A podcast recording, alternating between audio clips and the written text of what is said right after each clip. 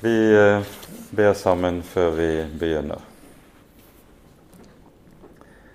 Kjære du vår Herre, du vår Gud og vår Far. Vi takker og lover deg for all din godhet imot oss. Takk, Hellige Gud, at du har bøyet deg til oss og sendt Jesus for at vi skulle bli frelst. Takk, Herre Jesus, at du var villig til å bære våre byrder, bære våre synder, for at vi skal gå fri, for at vi skal få lov til å eie en evig forløsning og et levende håp. Så ber vi, Herre, at du vil komme og være hos oss denne kvelden, og at du vil skrive ditt navn inn i våre hjerter. Herre, forbarm deg over oss. Amen.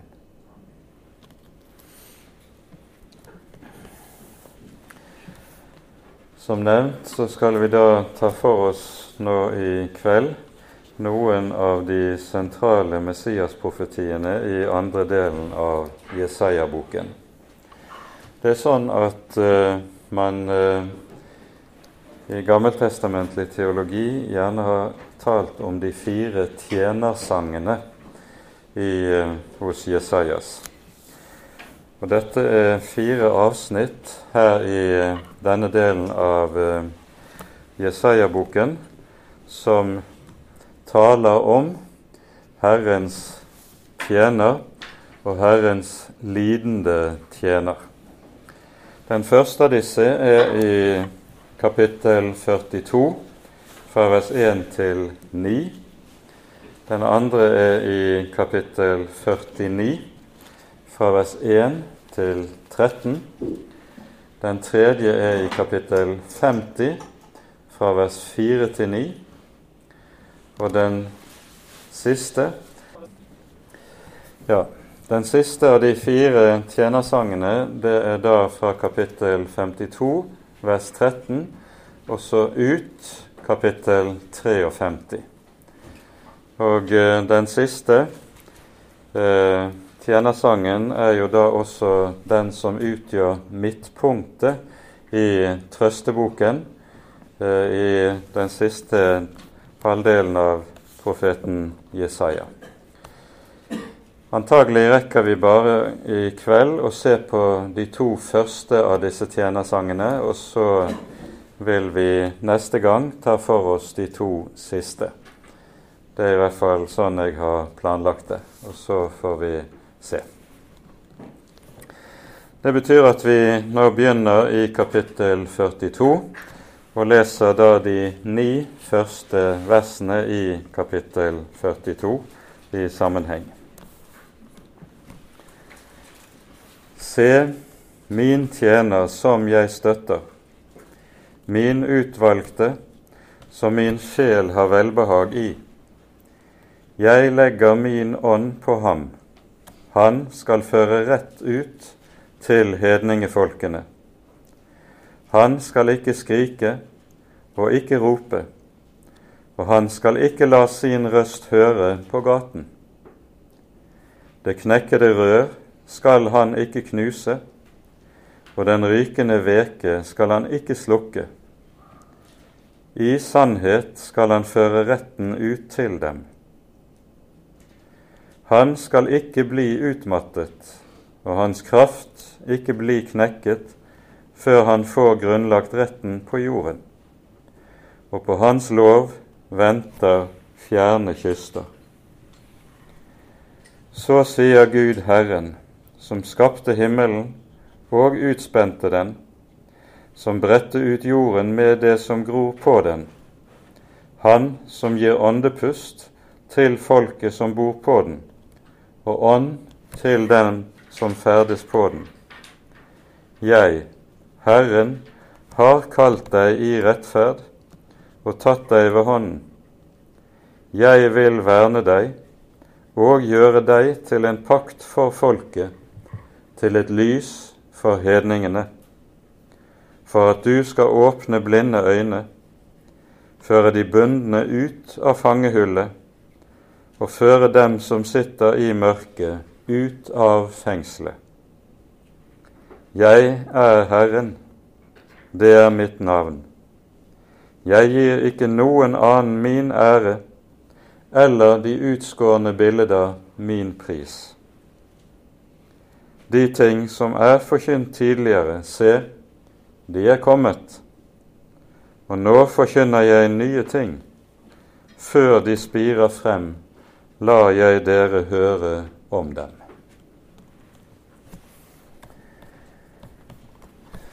Det som altså er karakteristisk ved denne andre halvdel av Jesaja-boken, det er ganske særlig de mange, de sterke og de klare profetier om den kommende Messias. Vi kan vel si det slik at uh, de første Messias-profetiene som vi hører i Bibelen, løftet om frelse, de lyder jo allerede i Første Mosebok. Dette er relativt generelle profetier, og uh, vi får i liten grad noe klart bilde av den kommende frelserskikkelsen. Men gradvis, ettersom profetien eh, skrider fremover gjennom, utover gjennom Det gamle testamentet, så får man et klarere og klarere bilde av frelserskikkelsen. Og det vi hører gjennom profeten Jesaja, må vel sies å gi oss det aller klareste bildet fremover.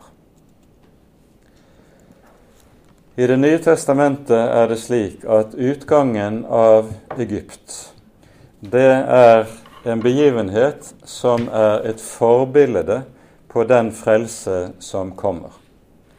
Det er en befrielse fra fangenskapet under farao der farao er bildet på djevelen, og utfrielsen skjer i kraft av lammets blod.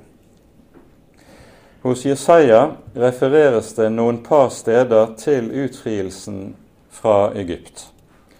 Og denne utfrielsen ses på hos Jesaja som forbilde på den utfrielsen som skal skje fra Babylon og som vi har talt om i et par tidligere bibeltimer, det som profeteres om Kyros, som skal la det jødiske folk vende tilbake fra fangenskap i Babylon.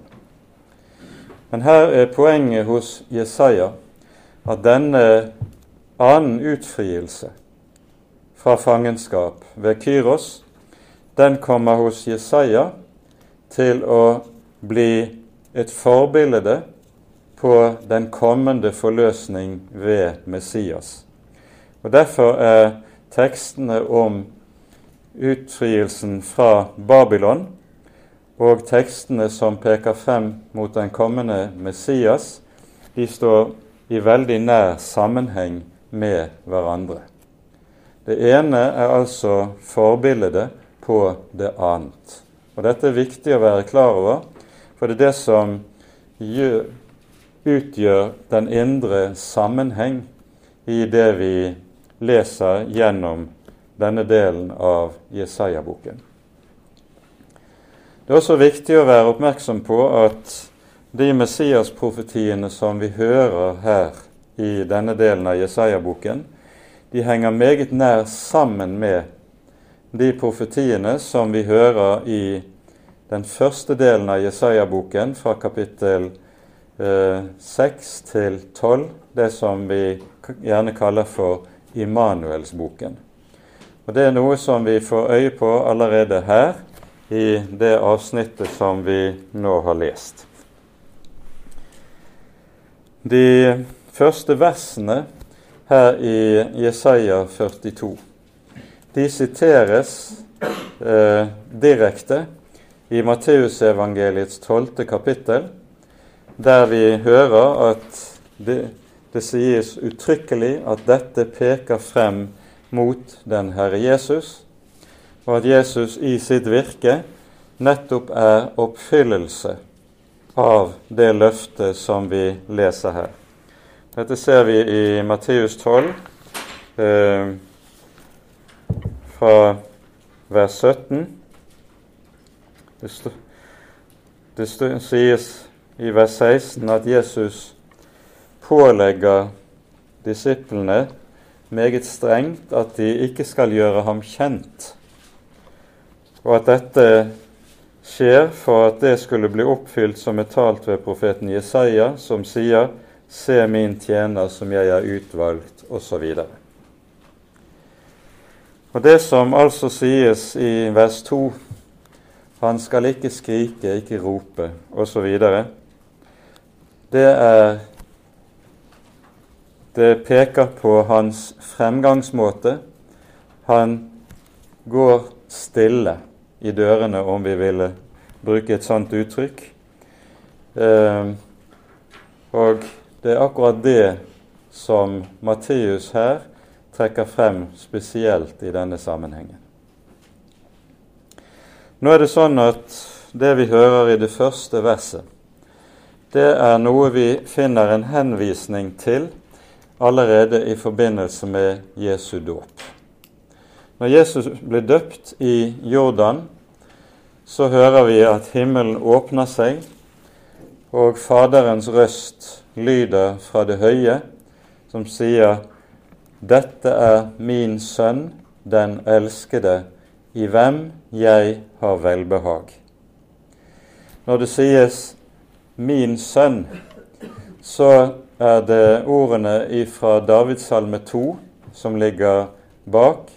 Og det Gud gjør når han vitner om Jesus i forbindelse med dåpen, det er at han knytter Salme 2 sammen med Jesaja 42 her, og sier nå oppfylles det løftet som gis i Salme 2, det løftet som gis i Jesaja 42. I forbindelse med Jesu dåp så hører vi jo også at Ånden kommer ned over Jesus som en due. Johannes vitner, sånn som vi hører det i det første kapittelet i Johannesevangeliet, så sier han 'Jeg så Ånden komme ned over ham og bli over ham'.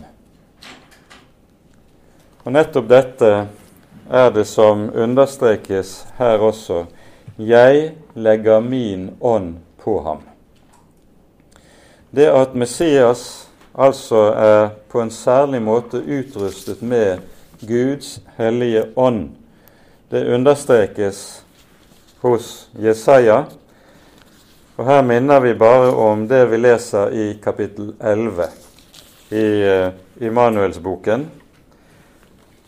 Det er her vi hører om spiren av Isais rot, et skudd fra hans rot som skal bære frukt. Og så sies det Herrens ånd skal hvile over han visdoms- og forstandsånd, råds- og styrkesånd, den ånd som gir kunnskap om Herren og frykt for ham. Den samme saken møter vi også igjen i kapittel 61. Det er i kapittel 61 vi møter de versene som Jesus leser fra Jesaja-boken når han er i synagogen i Nasaret. Dette leser vi om i Lukasevangeliets fjerde kapittel. Da får han eh, seg gitt Jesaja, bokrullen med Jesajas eh, skrift, og eh, leser da fra kapittel 61 hvor det står Herrens ånd er over meg, fordi Herren har salvet meg til å forkynne et godt budskap for de fattige. Han har sendt meg til å forbinde dem som har et nedbudt hjerte, til å utrope frihet for de fangne og frigjørelse for de bundne. Og Her brukes altså dette, denne betegnelsen 'Herren har salvet meg'. Og Det er jo det som er grunnordet i Messias. Messias betyr 'den salvede'.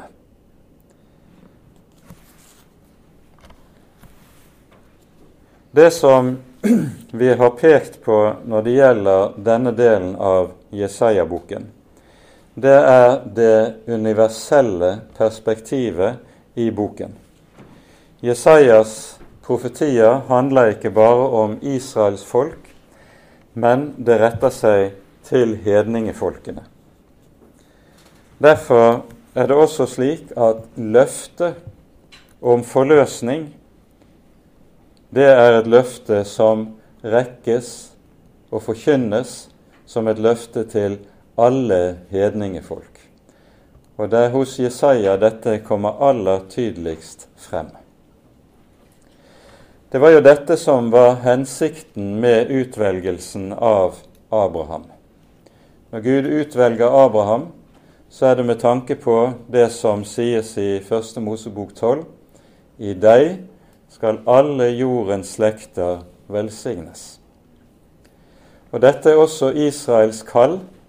Israel skulle nettopp være et lys for folkeslagene fordi de har fått åpenbaringen fra Herren, Herrens ord, som skal stå der som fakkelen som samler folkeslagene. Problemet er at Israel, så langt fra å holde seg til Herrens ord og holde Herrens ord høyt, har gjort det motsatte. Og Derfor er det at Messias her får tittelen 'Min tjener'. Egentlig er det Israel som stadig i en rekke sammenhenger i Det gamle testamentet kalles Herrens tjener. Dette kan du også se hos Jesaja, f.eks. i kapittel 41, i vers 8. Der sies det:" Og du Israel, min tjener Jakob, jeg har utvalgt, etling av min venn Abraham. Og i vers 9 lyder det:" Du er min tjener, jeg har utvalgt deg og ikke forkastet deg. Men leser vi videre utover i kapittel 42, så sies det om Israel som Herrens tjener følgende. Vi leser fra vers 19. Hvem er blind uten min tjener? Og døv som den budværer jeg sender? Hvem er blind som min fortrolige venn, blind som Herrens tjener? Her er det tale om Israels folk. Du har sett mye, men du tar ikke vare på det. Han har åpne ører, men han hører ikke. Dette er Guds vitnesbyrd om Israels folk. Det er altså en tjener kalt av Herren med et uendelig stort kall, men Israel har ikke tatt vare på dette kall. Og Derfor er det nå slik at det er Messias som får denne tittelen Herrens tjener. Det er han som i sin person er og kaller det som Israel skulle være. Der Israel har falt i synd og er gjennomsyret av synd, der er han den rettferdige.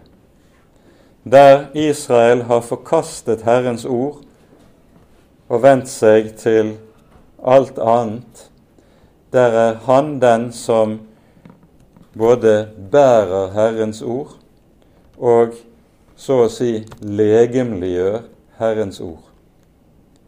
Der Israel har forkastet og brutt pakten, der blir denne Herrens tjener selv gjort til den nye pakt i sin person, som vi allerede hører her i denne teksten. Det sies i vers 6.: Jeg vil verne deg, gjøre deg til en pakt for folket, til et lys for hedningene. Og Her skal du legge nøye merke til uttrykksmåten. For Her sies det ikke at Herren vil gjøre en pakt ved ham eller med ham, men han sier at pakten er denne person. Akkurat som Og her møter vi ak akkurat det samme i Det nye testamentet. Når Jesus eksempelvis sier om seg selv 'Jeg er veien, sannheten og livet', så, sier, så er jo poenget her at Jesus ikke sier at han er en som vil vise oss veien. Nei, han er veien. Han er ikke en som vil lære oss sannheten. Han er sannheten. Han er ikke en som vil gi oss livet. Han er livet. Og alt dette, veien, sannheten og livet, får vi ved å knyttes til Jesu person i det livs samfunn som Herren har tiltenkt at vi skal leve i. På samme måte har vi del i pakten ved å knyttes til Kristi person, for det er Han som er pakten. Talen om pakten er jo noe som vi møter i Jeremia-boken i kapittel 31. Der lover Herren at han vil stifte en ny pakt med sitt folk fordi folket har brutt den pakten som ble inngått med israelsfolket ved Sinai. Vi leser i kapittel 31 fra vers 31.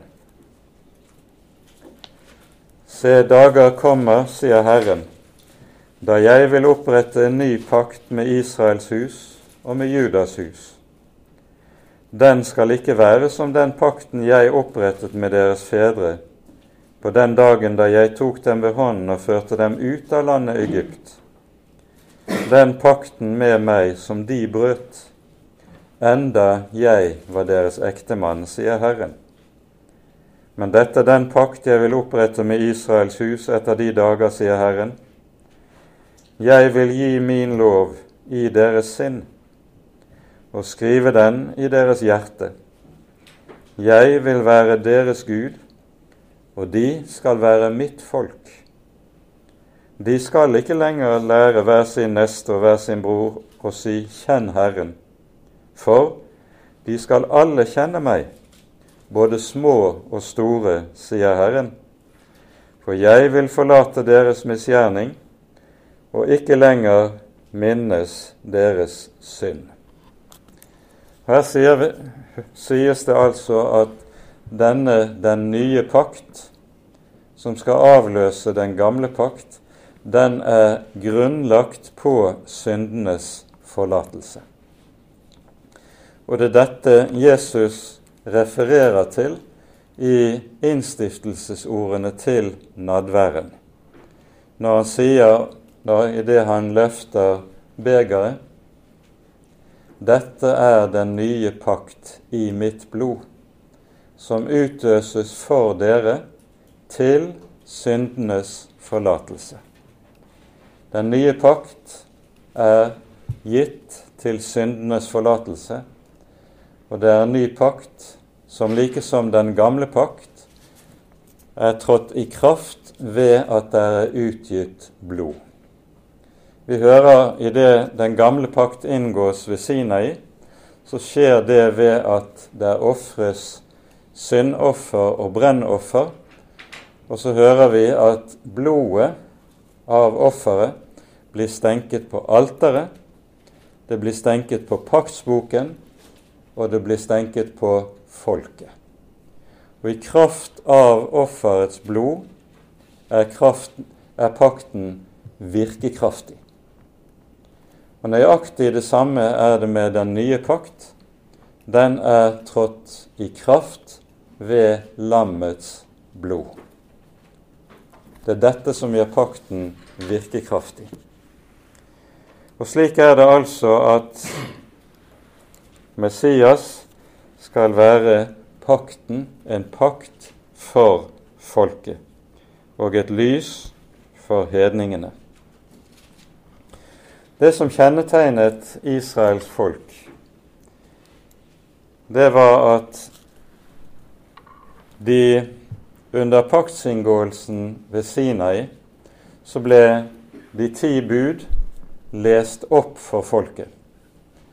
Og folket sa, svarte på opplesningen, det står to ganger i kapittel 24 i andre Mosebok, alt det Herren har sagt, vil vi gjøre. Folket lover høytidelig mens de står der for Guds ansikt.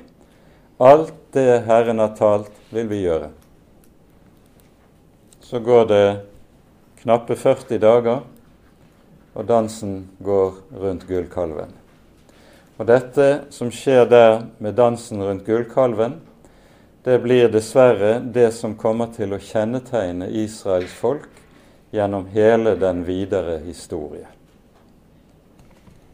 De taler nok høyt om sin egen Guds hengivenhet, men livet deres blir noe ganske annet. Det er bare én som er rettferdig. Det er han som her kalles Herrens tjener. Han er den ved hvem Gud grunnlegger rett på jorden, sies det. I vers 4 han får grunnlagt retten på jorden, og på hans lov venter fjerne kyster. Ordet som er oversatt med lov, det er ordet Torah, og vi minner igjennom at dette ordet betyr egentlig lære. Det betyr ikke primært lov. Her, så det burde vel helst vært oversatt på hans lære venter fjerne kyster. Det er to ulike ord som anvendes her i grunnteksten. Når det står at han får grunnlagt retten på jorden, så er det et hebraisk ord som har en slags dobbeltbetydning. Det betyr både dom og rett. Når Gud trer inn som dommer og utfører sine dommer i historien, så dømmes det onde. Det gode får sin rett. Og det er, dette, det er det som ligger i dette begrepet til at når Gud eh, trer inn i sin domsgjerning, så er nettopp dette med tanke på at retten skal vinne frem. Og så står det på Hans lov venter fjerne kyster. Og Her forstår vi at det som ligger bakom her, det er ordene fra kapittel 2 i Jesaja-boken, der vi hører løftet om hvorledes hedningefolkene skal strømme til Sions berg.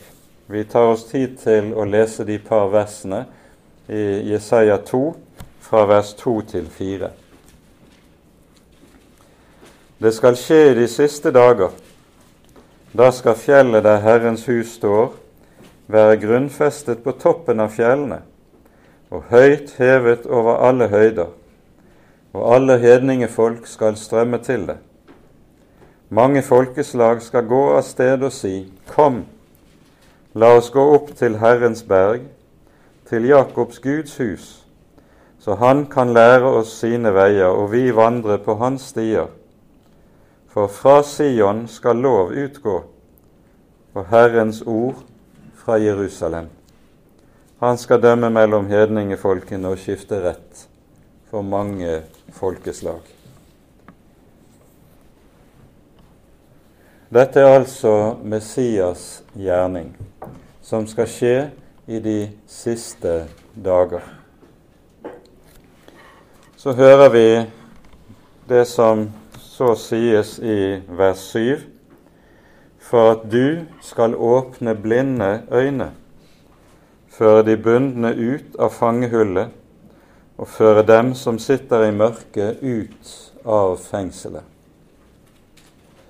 Her er det viktig å merke seg at den teksten som ligger til grunn for dette, det er Salme 146. Vi tar oss også tid til å lese et par av de siste versene i Salme 146.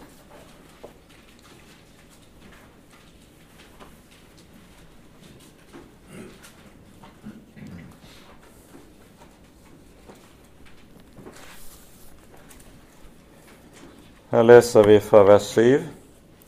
Herren hjelper de undertrykte, så de får rett. Han gir de hungrende brød. Herren løser de bundne. Herren åpner de blindes øyne. Herren reiser opp de nedbøyde. Herren elsker de rettferdige. Her sies det altså at dette er noe som Herren skal gjøre. Og i Jesaja 42 og i Jesaja 61 sies det at det er Messias som skal gjøre dette. Og Poenget er jo da at denne Messias, han er Herren. Han er den levende Gud. Han er Israels Gud, som er trådt inn i historien, og derfor gjør det som vi her hører. Dette kommer vi tilbake til etter hvert. Så lyder det til slutt i vers 8.: Jeg er Herren. Det er mitt navn. Jeg gir ikke noen annen min ære eller de utskårne bilder min pris. Vi har pekt på tidligere hvorledes det er et hovedtema, ikke bare i denne delen av Jesaja-boken, men i gjennom hele Det gamle testamentet at det første bud du skal ikke ha andre guder enn meg. At det skal få bli stående. Israels synd består jo først og fremst i dette bruddet på det første bud. Det bruddet på dette bud alle profetene har som sitt hovedtema når de kaller Israel til omvendelse. Og det er denne sak som også hevdes her i vers 8. Jeg gir ikke noen annen min ære eller de utskårne bilder min pris.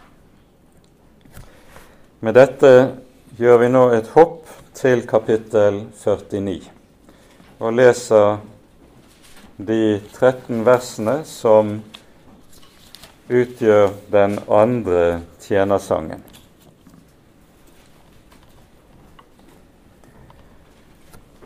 Hør på meg, fjerne kyster, gi akt, dere folk i det fjerne.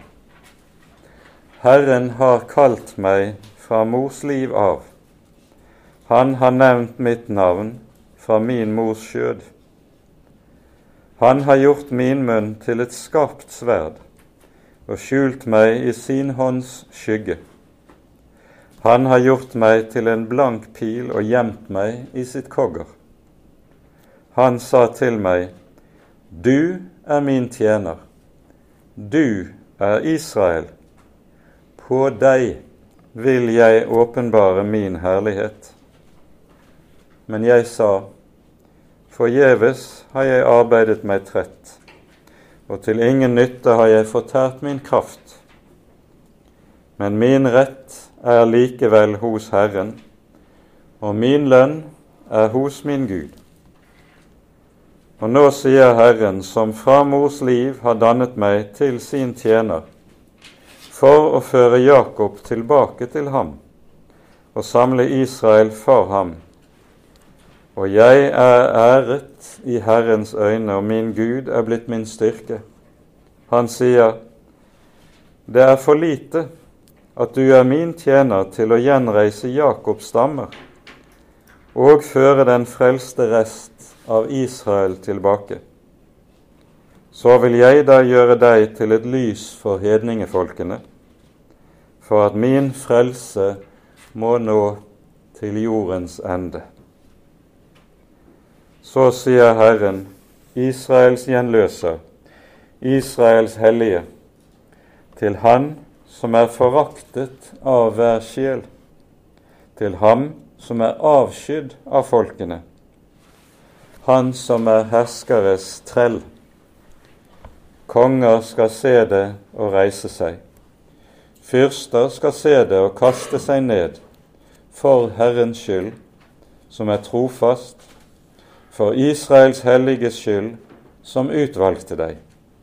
Så sier Herren, på den tid som behager meg, bønnhører jeg deg, og på frelsens dag hjelper jeg deg. Jeg vil bevare deg og gjøre deg til en pakt for folket, for at du skal gjenreise landet og utskifte de øde arvedeler, og si til de fagne, gå ut, til dem som er i mørket, kom frem. På veiene skal de beite, og på alle de bare hauger skal det være en beitemark for dem. De skal ikke sulte og ikke tørste. Verken det glødende sandhav eller solen skal skade dem. For Han som forbarmer seg over dem, skal føre dem og lede dem til kildevel. Jeg vil gjøre alle mine fjell til veier og mine ryddede veier skal bygges høyere. Se, de kommer langt borte fra, noen fra nord, og noen fra vest, og noen fra Sinims land. Juble, dere himler, fry deg, du jord. Dere fjell, bryt ut i frydesang. For Herren trøster sitt folk. Han forbarmer seg over sine elendige. Dette avsnittet kan deles i to hoveddeler. De første seks versene, der er det Messias selv som taler, mens i det andre delen, fra vers 7 til 13, der er det Herren som taler til Messias om hva han vil gjøre.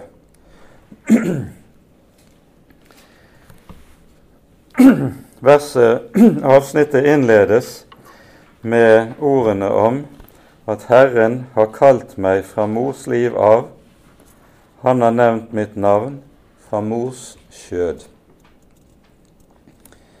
Det som ligger bakenom dette, det er naturlig nok ordene som vi hører i Immanuelsboken, der vi først i kapittel 7 hører om barnet som skal fødes av jomfruen.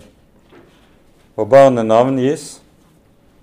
Hun skal gi ham navnet Immanuel. Og så i kapittel 9 er det vi på ny hører om barnet, der det sies et barn er oss født, en sønn er oss gitt, og herredømmet er på hans skulder. Han skal kalles under, rådgiver, veldig Gud, evig Far og fredsfyrste.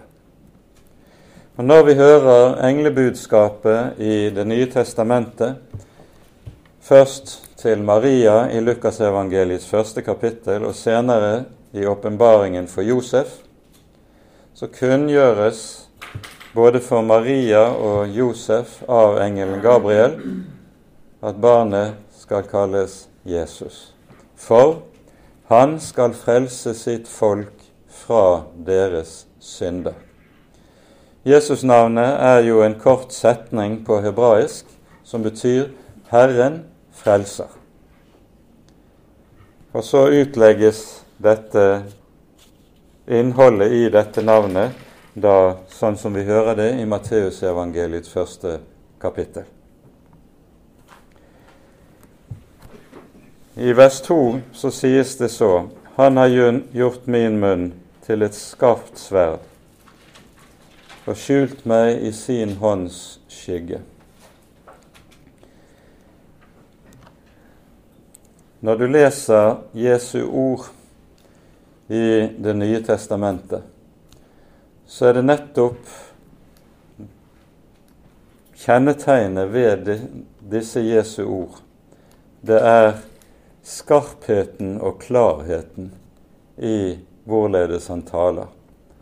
Det gjelder i både all hans undervisning i lignelser, men ikke minst også i hans svar overfor sine motstandere. Det er ingen som kunne stå seg for den visdom han taler av. Og så er hans munn en munn som bærer Guds ords sverd, og det er dette sverd vi er satt til også å forvalte som hans venner og tjenere. Han har gjort meg til en blank pil i sitt kogger.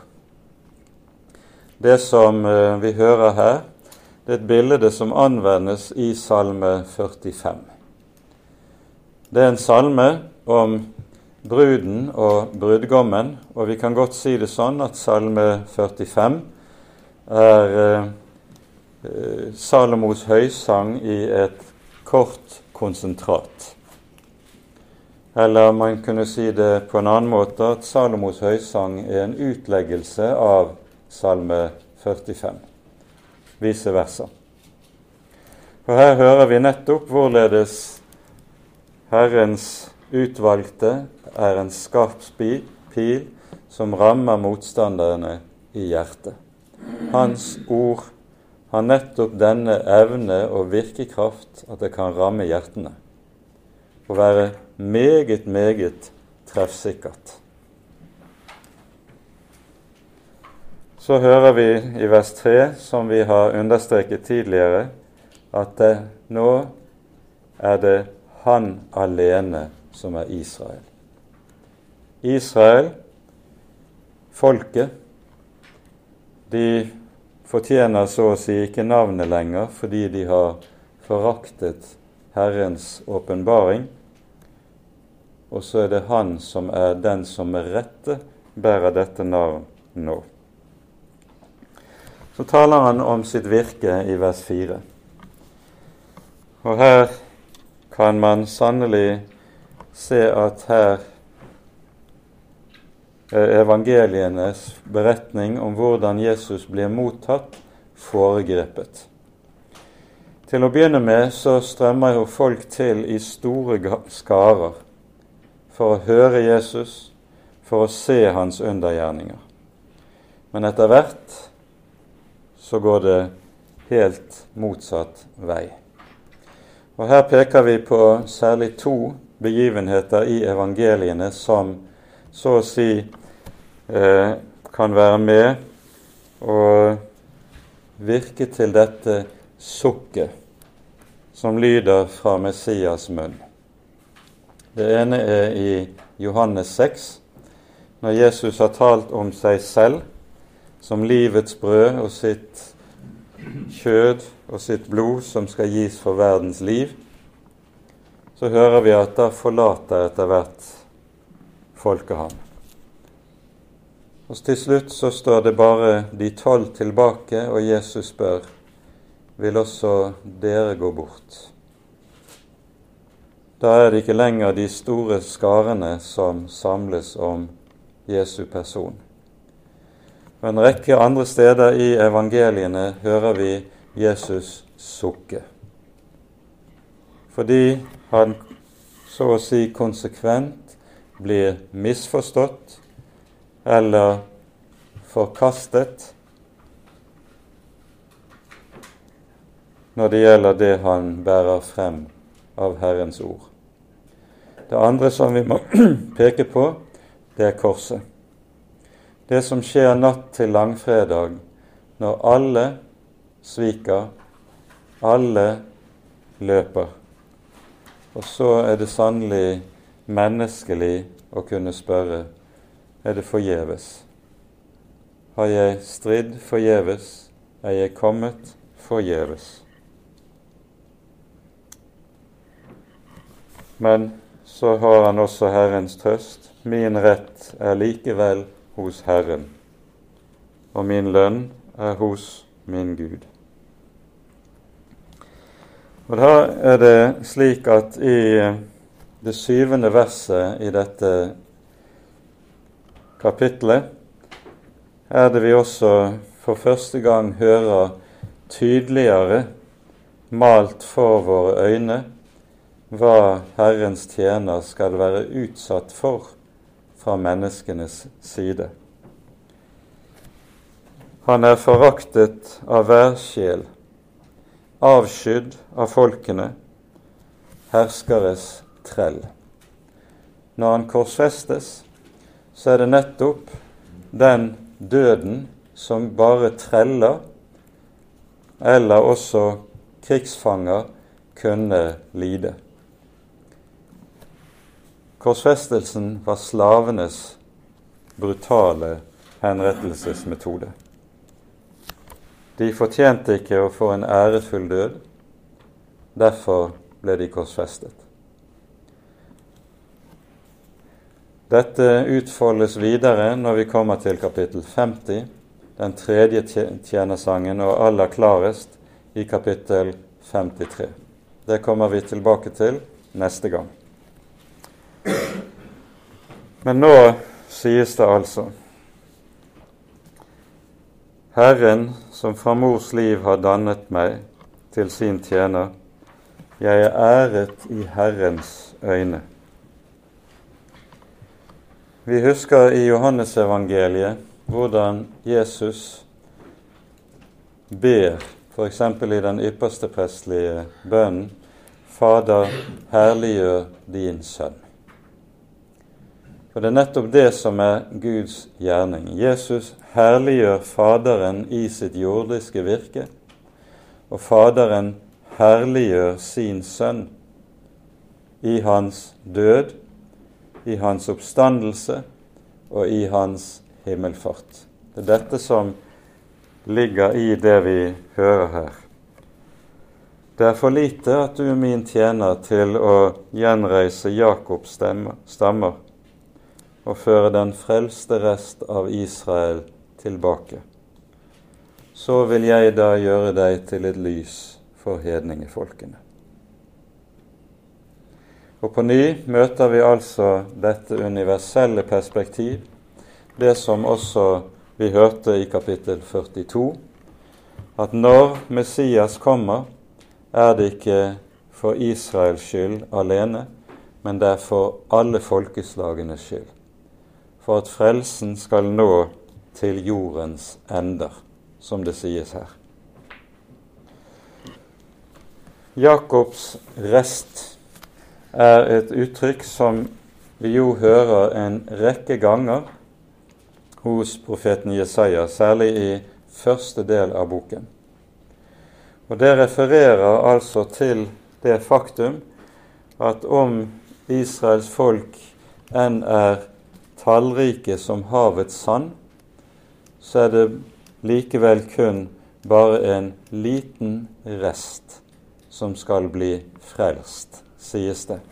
Dette gjentas flere ganger i eh, første delen av Jesajas-boken. Eh, vi kan peke på først kapittel seks.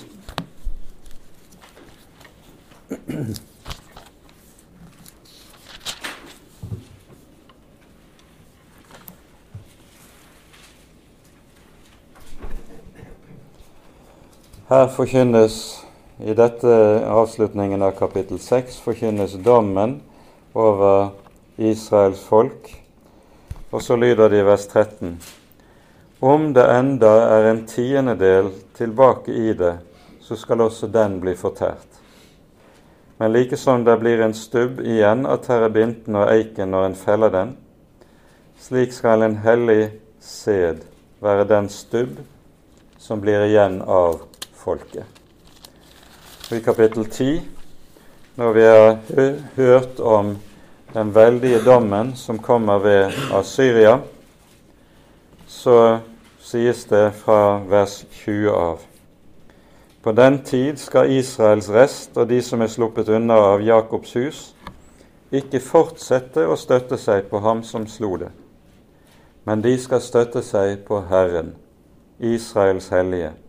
En rest skal omvende seg, en rest av Jakob til den veldige Gud. For om ditt folk Israel er som havets sand, skal bare en rest av det omvende seg.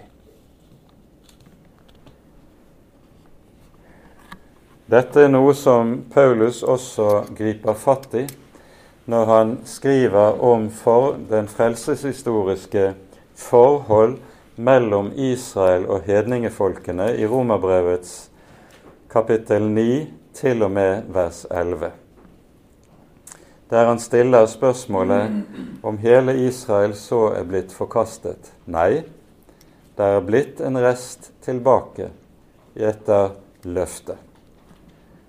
Og så er det øvrige av folket forkastet for en tid, for at hedningene skal få del i Israels lys. Og så lyder da også det løftet som kommer mot slutten i Romerbrevets ellevte kapittel at når hedningenes fylde er kommet inn, skal hele Israel bli frelst. Det ligger enda foran. Det er enda ikke gått i oppfyllelse. Men eh, det er altså disse sammenhengene som begrepet 'resten' peker imot. Så hører vi da i de siste avsnittet Herren tale til Messias, til sin tjener. Og Her vil vi bare ganske kort understreke det som sies først i vers 9. Du, I slutten av vers 8 sies det du skal gjenreise landet og utskifte de øde arvedeler. Du skal si til de fangne, Gå ut til dem som er i mørket, kom frem. Det som det her vises til, det er det vi hører i Tredje Mosebok, kapittel 25, om jubelåret. Det var jo slik at hvert femtiende år, altså hvert syvende sabbatsår, så skulle det være et jubelår i Israels folk. Og Det som da skulle skje, det var at all gjeld skulle ettergis. Når Israel inntar det lovede land, så får hver av de tolv stammer og hver ett innenfor stammene sitt område som er deres eget. Og dette landområdet skulle være folkets land og den enkelte slekts landområde alltid, helt frem til historiens ende. Så skjer det at noen blir fattige og må selge sitt land for å berge livet. I jubelåret skal denne gjelden ettergis, og de skal få sin eiendom tilbake. Det hender, kunne hende at noen var så fattige at de ble bundet i slaveri og i trelldom. I jubelåret skal de få settes fri uten vederlag. Ja, de skulle sågar få med seg mer enn det de trengte umiddelbart til livets opphold. Altså både komme tilbake til sin arv og sin eiendom og få frihet i gave. Og Dette er da et bilde på det som skal være Messias gjerning. I eh, 3. Mosebok 25 begrunnes denne lovgivningen med følgende Hele landet hører meg til, sier Herren. Altså landet er Guds eiendom. Og Derfor er det også slik at det er Herren som styrer og steller med landet etter sin vilje. Og hans vilje er at de fangne skal settes fri, de fattige skal få tilbake sin arv. Og på denne måten så ser vi jo i det gammeltestamentlige Israel en sosial ordning som du ikke har noe tilsvarende til ellers i antikken overhodet.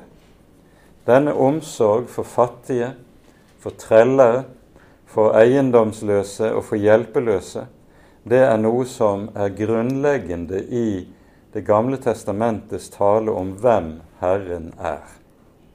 Han har hjerte for de små. Han har hjerte for de hjelpeløse. Han har hjerte for de som livet er gått i stykker for. Han har hjerte for de som har strever og har tungt å bære.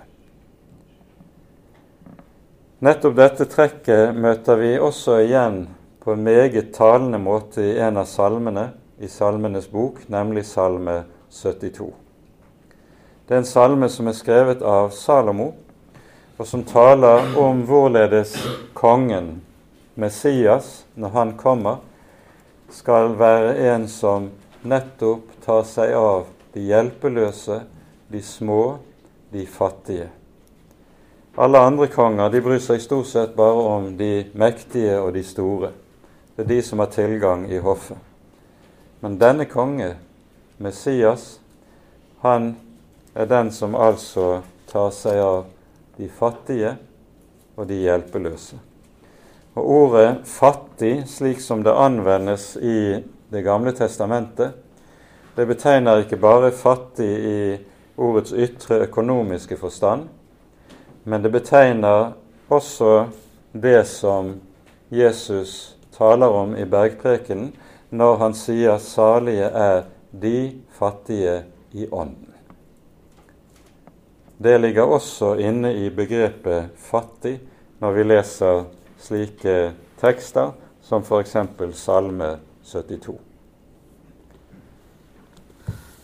Så hører vi at bildet går videre på veiene skal de beite, og på alle de bare hauger skal det være beitemark for dem.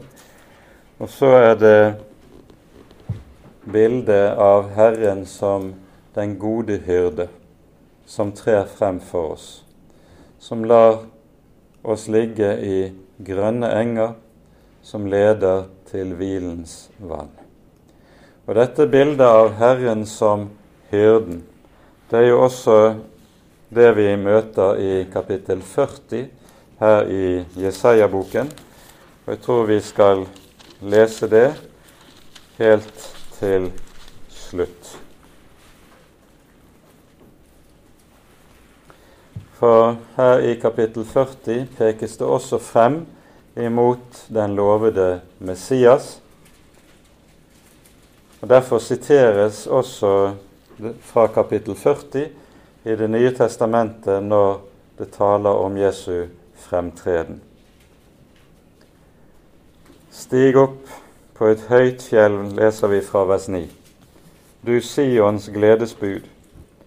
Oppløft din røst med kraft, du Jerusalems gledesbud. Rop høyt, frykt ikke, si til Judas byer, se, der er deres Gud. Se, Herren Herren kommer med velde, og hans arm råder. Som en hyrde skal han vokte sin jord. I sin arm skal han samle lammene, og ved sin barm skal han bære dem. De få som har lam, skal han lede. Dette er no, noe av budskapet som vi møter i disse avsnittene. Og så hører vi svaret på budskapet i vers 13 her i kapittel 49. Juble, dere himler, fryd deg, du jord. Dere fjell, bryt ut i frydesang, for Herren trøster sitt folk. Han forbarmer seg over sine elendige. Jesaja-boken begynner, slik som vi hørte det i kapittel 1, med ordene Hør, dere himler, lytt, du jord. Og så tar Gud himmel og jord til vitne mot sitt folk, som har forlatt ham og forkastet ham. Barn har jeg oppfødd og fostret, men de har forlatt meg, sier Herren.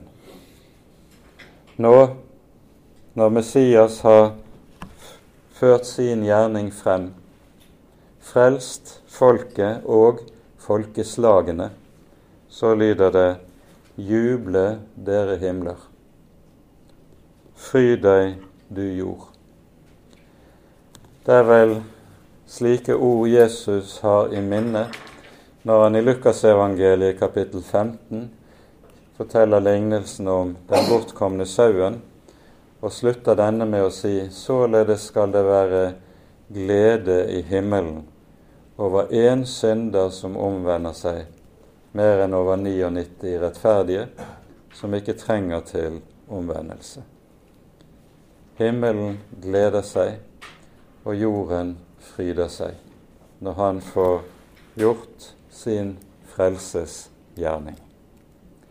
Med det setter vi punktum for dagens bibeltime.